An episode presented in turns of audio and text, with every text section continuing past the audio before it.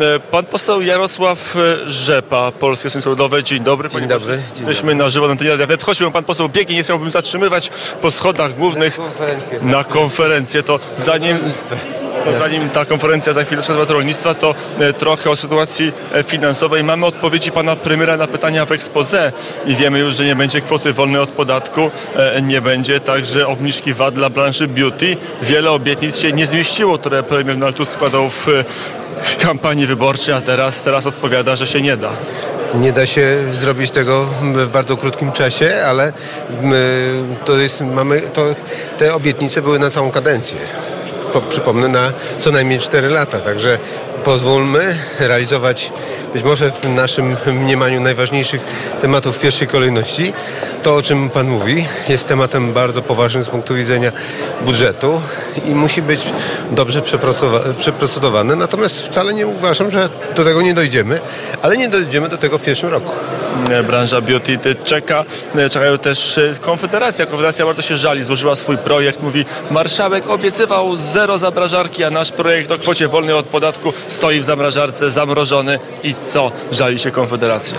E, No każdy by chciał, że wczoraj składa, a jutro żebyśmy już to No, procedowali. 13 listopada, panie pośle, to już nie jest Także, wczoraj. także natomiast ja uważam, że w porównaniu do poprzedniej ekipy, to tak mamy wielokrotnie e, większą demokrację, jeśli chodzi o wprowadzanie e, projektów na posiedzenia Sejmu, aniżeli poprzednio.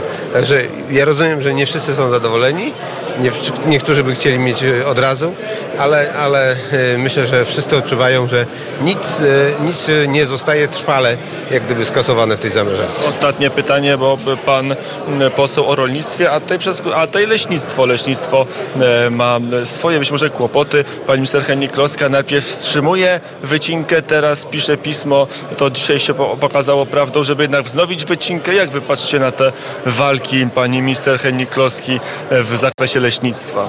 Leśnictwo to jest ważnym działem gospodarki. Z leśnictwem połączony jest bardzo ważny dział e, choćby meblarski, tak? E, są plany urządzenia lasu, które jasno mówią o nasadzeniach, wycinkach, miejscach. I uważam, że jeżeli ktoś te plany przygotowuje, e, je realizuje, to nie powinniśmy tutaj rewolucji robić. Ja rozumiem, że to zapowiedź Unii Europejskiej. to jest 8 stycznia, no pani minister sama mówi 8 stycznia, zakazała nam wycinki, napisała nam polecenie dyrektorowi generalnemu, panu Kosowi, wstrzymać wycinkę. Tak pisze, teraz pisze, jednak proszę ją wznowić. To jest jakaś taka niekonsekwencja, panie pośle? E, Ja myślę, że czasami trzeba jednak poznać e, wszystkie okoliczności, które decydują o pewnych procesach, bo tak samo, jeżeli by pan mnie zapytał, w jaki sposób wycina się na przykład las bór sosnowe w stosunku do bukowego, to w, sosnowym widzi pan totalne zrąby całkowicie, a w bukowym się tylko wycina co któreś drzewo. I też ktoś powie, no tutaj ścinacie wszystko, a tutaj jak gdyby tylko prze, przerzedzacie.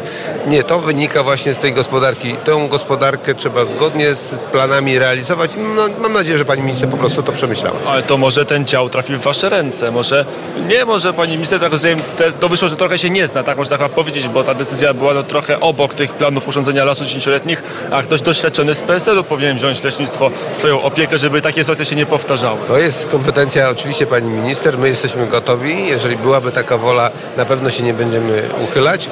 Natomiast we wszystkich obszarach, tak samo w rolnictwie czy w leśnictwie, trzeba działać y, w- taki sposób bardzo przemyślany i nieburzący e, i uwzględniający to wszystko, co do tej pory było robione i e, ewolucja, nie rewolucja.